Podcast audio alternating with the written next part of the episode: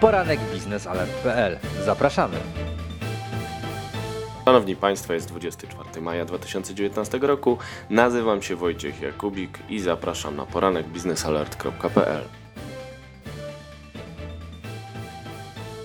Wczoraj dowiedzieliśmy się, że dostawy ropy z Rosji przez ropociąg Przyjaźń mogą wrócić po 9 czerwca pod warunkiem, że zostaną przyjęte reklamacje Polaków i Niemców. Informuje o tym operator polskich ropociągów o nazwie PERN, który przekonuje, że jeżeli uda się porozumieć z Rosjanami w sprawie odszkodowań, to będzie się dało oczyścić ropociąg przyjaźń z zanieczyszczonej ropy i zacząć odbiór ropy czystej.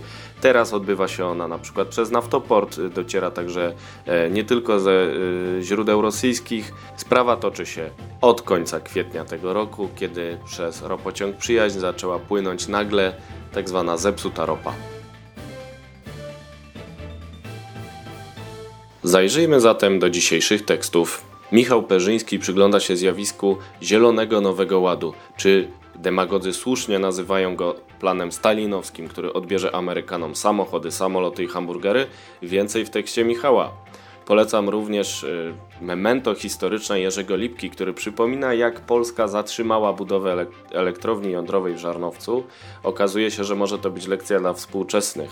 E, autor szczegółowo opisuje historię e, najpierw zaproponowania elektrowni jądrowej w Polsce, co miało związek z rewolucją Solidarności, to ciekawe, a potem opisuje, jak powoli ten projekt upadał.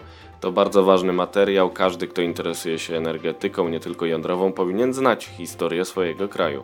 Polecam również materiał Bartosza Wiśniewskiego, który szczegółowo opisuje, dlaczego warto powściągnąć entuzjazm w sprawie sankcji USA wobec Nord Stream 2, które zapowiedział już teraz Rick Perry, sekretarz energii USA. Jego zdaniem sankcje zostaną wprowadzone, ale czy to na pewno zaszkodzi projektowi Nord Stream 2, czy na pewno zostaną wprowadzone? O tym pisze właśnie Bartosz Wiśniewski z Polskiego Instytutu Spraw Międzynarodowych.